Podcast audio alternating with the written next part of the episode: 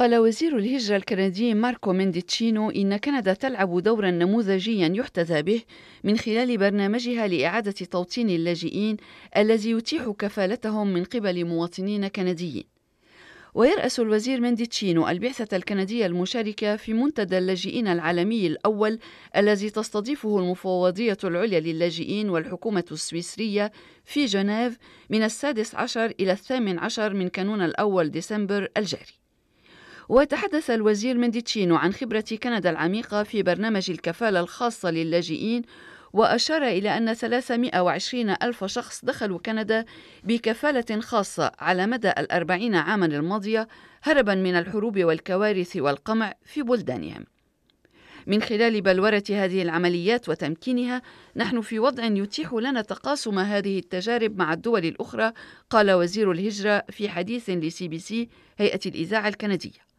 وأضاف بأنه أجرى محادثات بناءة مع بلدان بدأت تتخذ مبادرات كفالة مجتمعية وتتطلع إلى دور كندا الرائد في هذا المجال. وأشار وزير الهجرة ردا على سؤال إلى أن الحكومة منفتحة على إمكانية رفع سقف برنامج الكفالات الخاصة.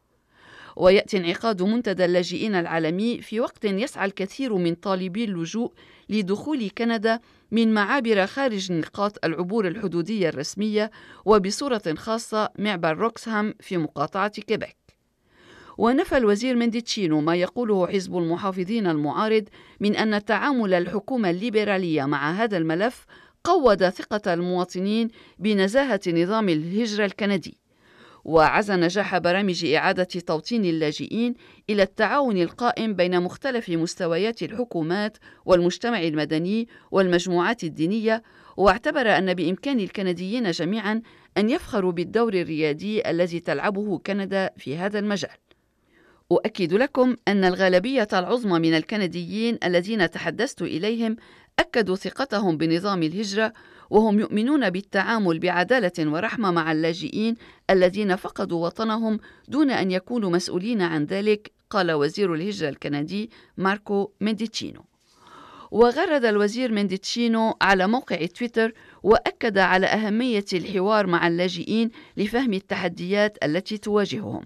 ونشر مقطع فيديو صغير من الكلمة التي ألقاها في المنتدى العالمي للاجئين ونستمع. We know that it is essential to include refugees in the process of development and implementation so that we might better understand the challenges and the opportunities of resettlement.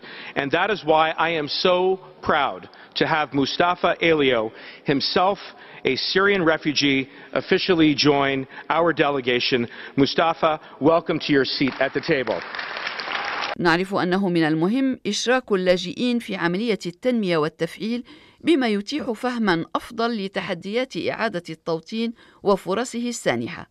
ولهذا أنا فخور بأن ينضم اللاجئ السوري مصطفى أليو إلى بعثتنا. أهلا بك مصطفى قال وزير الهجرة الكندي ماركو مينديتشينو في المنتدى العالمي للاجئين.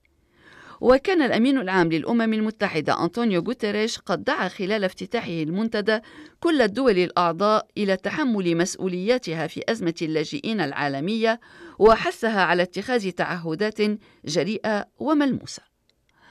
وأعلنت الحكومة الكندية عن مساعدة مالية قدرها 50 مليون دولار على مدى السنوات الأربع المقبلة لمفوضية الأمم المتحدة لشؤون اللاجئين.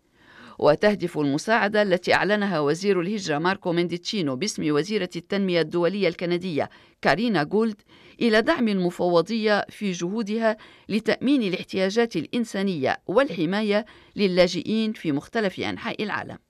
وتعهد الوزير منديتشينو بأن تحترم كندا التزامها بإنشاء برامج مجتمعية لرعاية اللاجئين على المستوى العالمي في إطار المبادرة العالمية لرعاية اللاجئين.